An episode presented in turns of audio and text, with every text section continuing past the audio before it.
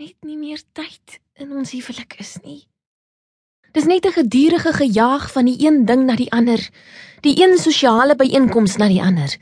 En as ons nie die aand uitgaan nie, dan het Otto mense oorgenooi na ons toe. Ek weet nie wanneer laas het ek 'n stil, rustige aand saam met Otto tuis deurgebring nie. Ons is net nooit meer alleen nie. Haar oë kyk hom pleitend aan. Dit klink so asof ek nou van my man sit en skinder. Maar dis nie die geval nie, oom Jan. Dis net dat dat Nee, Karen, ek begryp. Ek erken dat ek hierdie ding al 'n hele rukkie gelede opgemerk het en begin bekommerd raak daaroor. Ek weet dat dit net ondenkbaar geword het om 'n byeenkoms te reël sonder jou en Otto. Julle is beslis die gewildste paartjie op Mildersrivier. Ek weet ook watter toeloop van mense daar by julle aan huis is. Jy het al vir jou naam verwerf as die charmantste en gewildste gasvrou van die dorp en omtrek. Dit maak so wees, oom Jan, maar dit begin nou vir my te veel raak. Ek sien Otto se standpunt heeltemal in. Ek is nie onredelik nie. Ek besef dat dit vir sy werk noodsaaklik is om sosiaal te wees. Maar dis tog nie net die onderneming wat van belang is nie. Ons huwelik en ons lewe saam in een huis het tog ook waarde. Maar dis of daar gedurig iets is wat Otto rondjaag. Hy's so rusteloos van geaardheid. Hy kan nie een oomblik stil sit nie. Ek weet dat baie mans om sy onuitputlike energie beny. Baie van my vriendinne sal wat wil gee dat hul mans ook so aantreklik, energiek en gewild soos my man moet wees. Maar ek kan eenvoudig nie langer in hierdie dolle vaart voortstroom nie. Beslis nie, Karen stem die ou dokter saam. Veral nie nou dat jy verwag nie. Ek sal beslis met Otto praat. Jy hoef nie bekommerd te wees nie. Ek sal dit baie taktvol doen. Ek dink ook jy is verniet so pessimisties. As Otto eers besef dat dit noodsaaklik geword het vir jou sowel as die baba, sal hy van self rem aandraai. Otto het jou baie lief, Karen. Dit is geen geheim nie. Ek weet antwoord sy met sagte oë, haar mond teer. En ek het hom ook baie lief. Otto is vir my alles.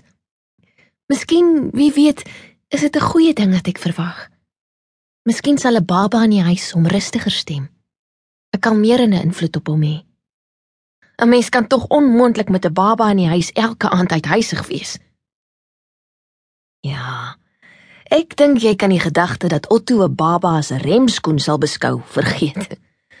Enige normale man wil 'n kind hê, 'n erfgenaam, 'n seun. Otto is nie anders as ander mans nie.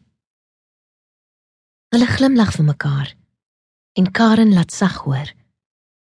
Dankie oom Jan. Wat sou tog van my geword het sonder u?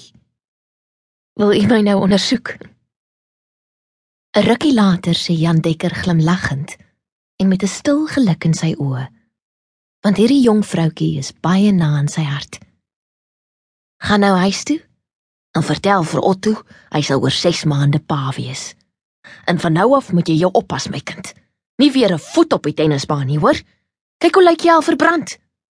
Laat hy gemaak streng hoor en vee met sy vinger oor haar boarm waar teen 'n vlek by haar rok se mousgat uitsteek. Terwyl Karen op pad terug huis toe is, is daar 'n frons tussen haar donker wenkbroue. Miskien moes sy nie haar hart so teenoor hom Jan uitgepraat het nie. Hy kan miskien onder die indruk kom dat sy en Otto nie meer gelukkig is nie. En dis tog nie die geval nie.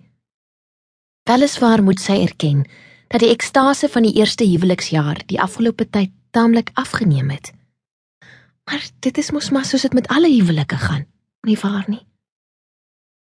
Dis net die boeke oor huweliksvoorligting en dis meer wat beweer dat daardie ekstatiese gevoel van die eerste huweliksmaande ewigdurend behoort te wees. Dit gebeur nie regtig nie. Maar diep in haar hart weet sy, sy het Otto Viljoen nog net so lief soos op haar troudag 5 jaar gelede.